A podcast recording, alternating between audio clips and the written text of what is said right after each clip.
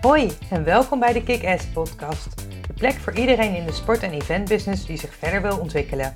Mijn naam is Esther Huismans, ervaren professional in de sport- en eventwereld. Je kent mij misschien ook van Kick-Ass, het inspiratieplatform voor vrouwen in de sport. Of van mijn online netwerktrainingen van de Kick-Ass Academy. In deze podcast deel ik mijn tips en ervaringen en maak ik je deelgenoot van de weg die ik als ondernemer aan het afleggen ben.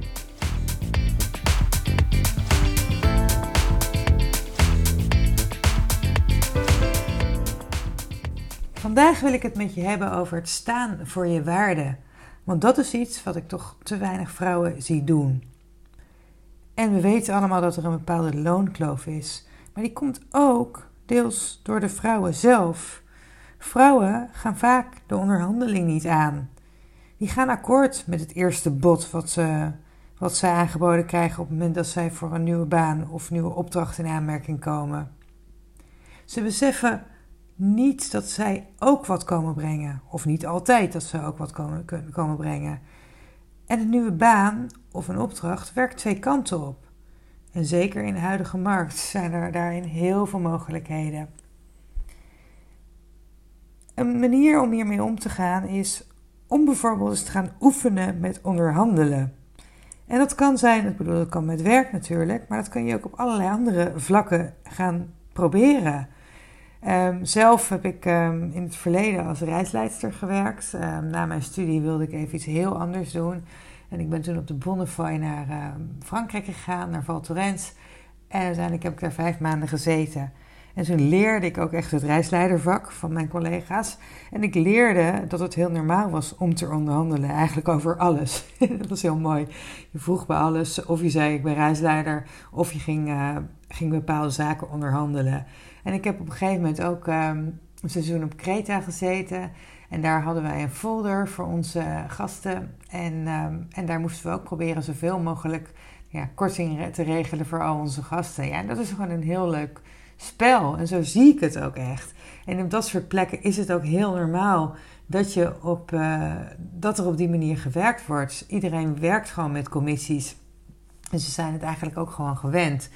En dat heb ik natuurlijk met het seizoenswerk gedaan. Maar ik werk dus ook uh, af en toe nog uh, als dus een soort bijbaan als reisleidster voor uh, Villa 5. Dan begeleid ik singelreizen voor hoger opgeleiden. En dan vind ik het ook heel leuk om dat te doen. Om gewoon te kijken, wat, wat kan ik nog voor elkaar krijgen? En ik weet een collega van mij die er een keer bij was, die zei, die, vond zich, die voelde zich daar echt ongemakkelijk bij. En ik vond het juist alleen maar leuk. En omdat ik wel zei, het hoort erbij ze werken gewoon met commissies. Dus ze, ze zijn eraan gewend. En vorige maand was ik zelf op, uh, op wintersport rond mijn verjaardag in de Sierra Nevada in Spanje. En zelfs daar, ik bedoel, ik ga echt niet in elk restaurant korting vragen.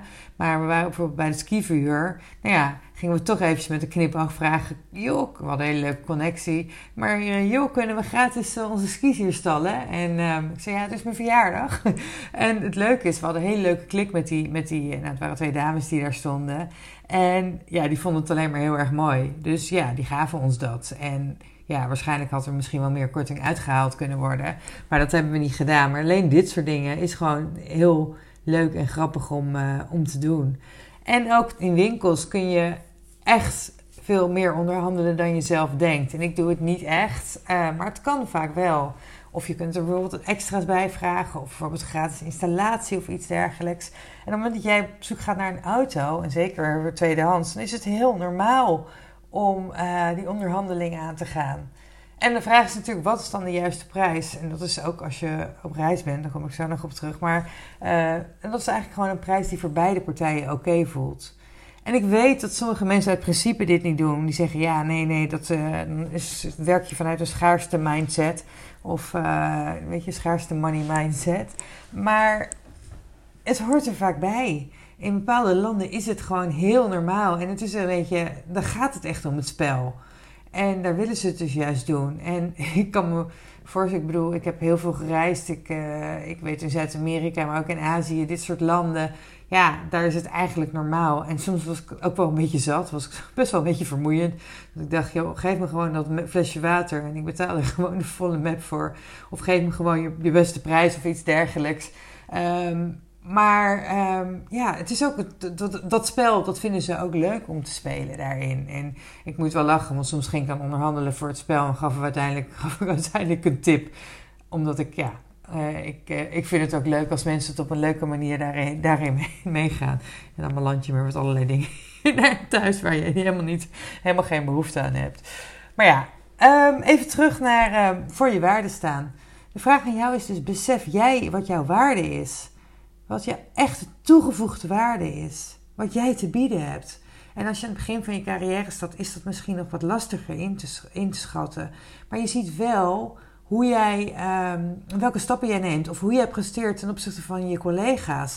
Ik weet ook dat in mijn eerste baan ook, ja, weet je, dan ben je nog een beetje zoekende, dus dan wel een beetje spannend.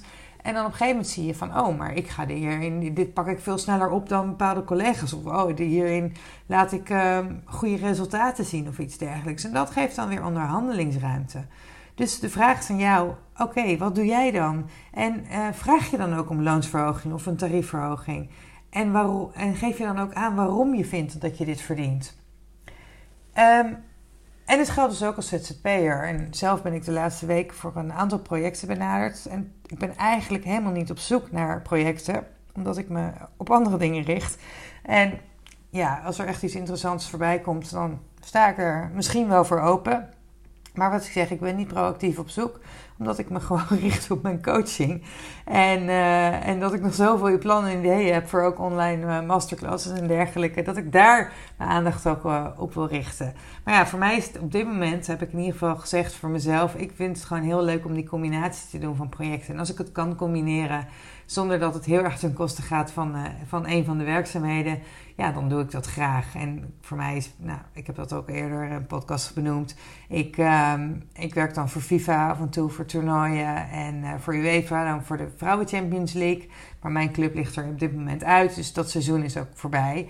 Dus ja, daar is dan weer wat minder. Dus dat begint pas weer in het nieuwe seizoen. Dus ja, dan heb je soms mogelijkheden zeggen van nou, ik uh, ga misschien iets leuks of kleins ernaast doen. Um, en het is ook logisch op dit moment, want de markt trekt aan. Ik uh, ben top of mind. En dat heb ik de vorige podcast, of nee, dat is niet de vorige podcast 33. De kracht van zichtbaarheid heb ik daarover opgenomen. Um, omdat ik natuurlijk vrij zichtbaar ben, denken mensen snel aan mij. Of denken mensen snel aan mij om mee te denken. Omdat ik ook gewoon veel mensen ken. Dus dat is een soort van logisch dat ze dan bij mij terechtkomen. Um, en ik werd ook benaderd voor een project waar een uh, fix dagfee was. Die zeiden ook van oké, ja, maar dit is het tarief wat wij betalen. En voor mij is dan op dat moment moet ik die keuze maken. En wat ik dan, hoe, wat, hoe ik dat dan doe, is ja, wil ik dit project dan doen? En hoe graag wil ik het? Wat levert het mij op? Um, en ik heb de vorige podcast, podcast 34, gaat over uh, plezier, prestige, poen. Dus luister die maar op basis waarvan ik bepaalde keuzes maak. Maar waar ik dan ook naar kijk, wat kost het mij? Wat kost het mij qua tijd bijvoorbeeld? Vind ik het dat, dat waard? Want soms kan een klus van, uh, wij spreken 40.000 euro, uh, kan me zoveel tijd kosten dat het mij niet waard is om dat te gaan doen. Of omdat ik het niet leuk genoeg vind, niet interessant genoeg vind. Omdat ik denk, ja, ik kan die tijd beter gebruiken. Ik zeg, ik schat mijn tijd, daar heb ik ook een podcast over opgenomen, tijd, geld en energie. Um, schat ik veel meer op waarde dan ik dat vroeger deed. En ook omdat ik nu een, eigenlijk een, ander, een deels een andere richting ben ingeslagen. Dus ik ben gewoon kritischer op wat ik wel en wat ik niet aanneem. Um, en in mijn situatie zou dat dus ook betekenen um, dat ik bepaalde dingen misschien wel on, moet zetten. Ik zei net al, ik ben niet op zoek uh, naar, of ik vind een combi op dit moment leuk, maar ik ben eigenlijk niet op zoek naar grote of langdurige klussen. Tenzij, ja, tenzij de Olympische Spelen of het WK voetbal, als we dat in Nederland mogen gaan organiseren, ja, dan, dan ga, ik het, ga ik wel het overwegen natuurlijk. Maar in principe ben ik daar niet naar op zoek. Um, dus wat ik zei, dan betekent het dat op het moment dat zoiets voorbij komt, dat ik bepaalde dingen onhold moet zetten. En is het mij, is het mij dat waard? Dus daar kijk ik dan naar. En ten tweede is dus die fee. En ik heb in het verleden, heel veel, eigenlijk in die, in die uh, events branche is het heel, heel vanzelfsprekend dat je met fix dagfees werkt. En ook met projectfees. En in dat geval kan je jezelf best wel in de vingers snijden. Want het uurtarief, als je denkt dat je vaak 16 uur per dag werkt, is dus dan niet zo hoog. Maar ja, dat neem ik, uh, heb ik heel vaak ook voor lief genomen. Want er zitten vaak andere dingen zitten erbij inbegrepen. Dus bijvoorbeeld kost en inwoning is geregeld. Of het is iets wat zo ontzettend leuk is om bij te zijn. Dat je bijvoorbeeld de Olympische Spelen mag meemaken. Ja, dan is dat, uh, dan is dat het wel waard. En, en, ik geef tijdens die projecten, zeker in de projecten in het buitenland, geef ik eigenlijk geen cent uit vaak. En, uh, en dus alles wat je dan overhoudt, dat, uh, nou ja, dat hou je dan. Het is ook echt aan het eind dat je het overhoudt. En um, aan mij is het dus dan op dat moment de keuze om, om, om de keuze te maken of ik het waard vind. En wat kan ik dan doen? Uh, op het moment dat ik zeg van nou, ik vind het het niet waard, dan kan ik bijvoorbeeld uh, een tegenbod doen waar ik volledig achter sta. En ik heb dat in het verleden een aantal keer gehad. En dat was een aantal keer bijvoorbeeld dat zij met een aanbod, eerste aanbod kwamen. En daar was ik niet mee akkoord. En toen dacht ik, ja, maar voor dit bedrag wil ik het echt niet doen. En ik heb één keer daarin uh, ben ik 35% omhoog gegaan. Ik heb een keer twee keer zo hoog tarief gedaan.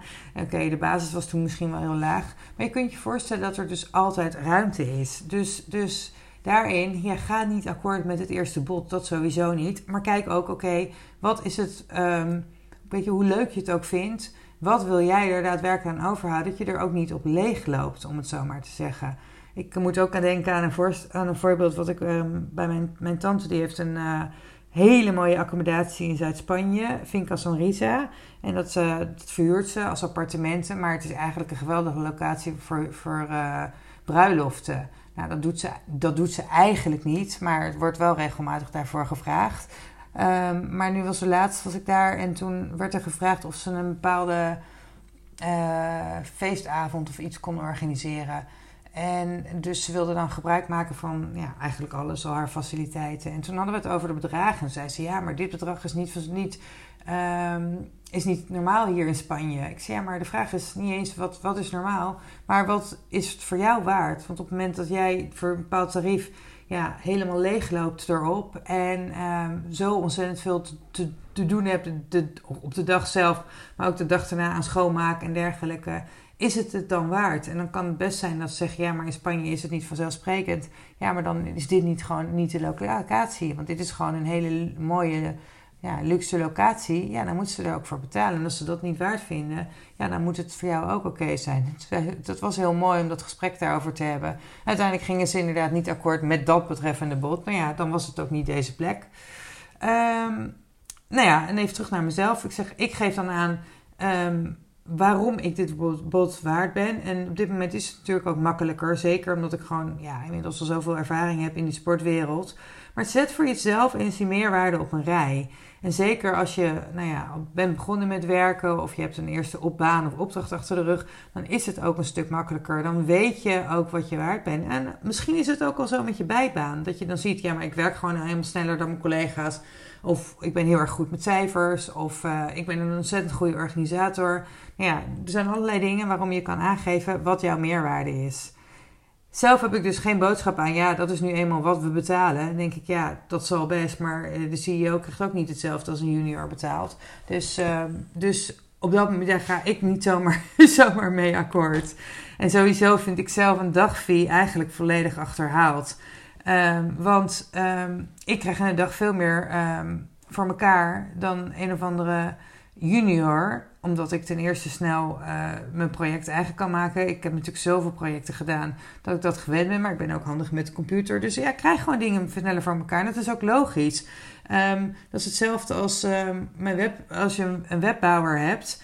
Um, die moet een website bouwen. En je zou zeggen, ja nee, uh, dat, dat, dat doe ik op basis van een dagfee. En ik betaal dus per dag voor wat die persoon mij oplevert. Nou ja, dan is de incentive er helemaal niet om het sneller te doen.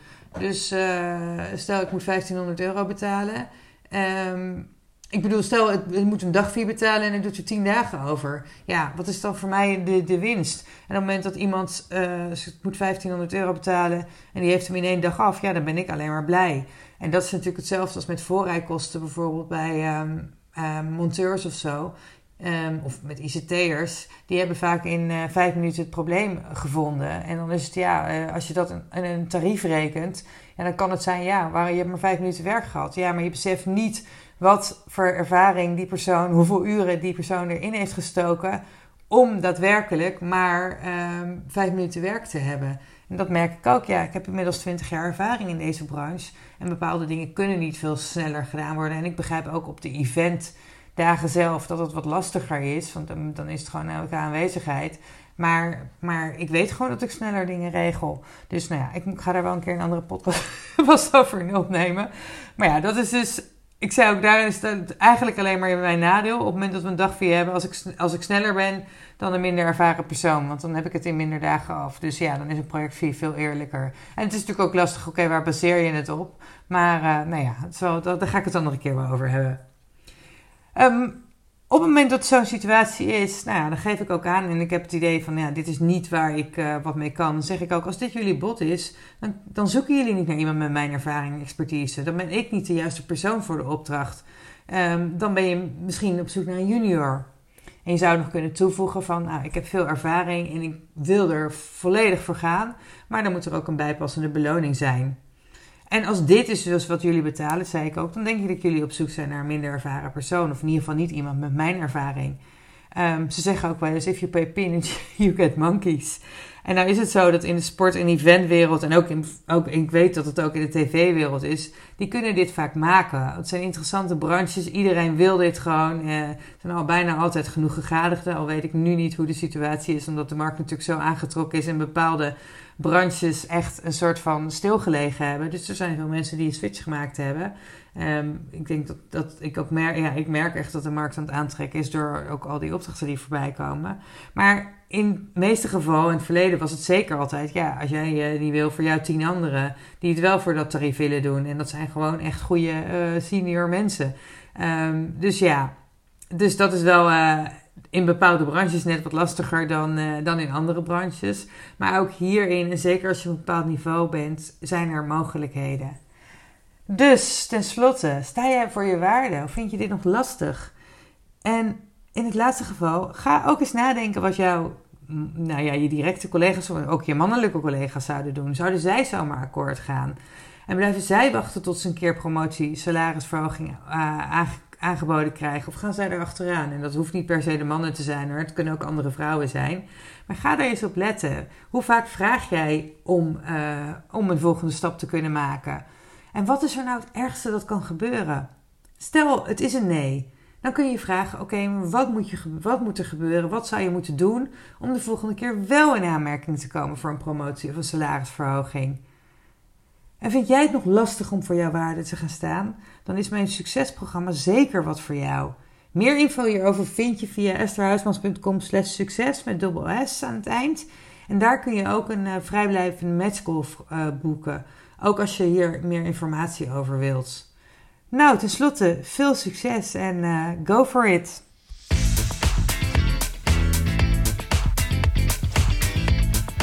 Dit was de aflevering van vandaag. Heel erg bedankt voor het luisteren. Vond je deze aflevering waardevol? Dan zou het heel fijn zijn als je een review wilt achterlaten op iTunes of op Spotify. Tot de volgende keer!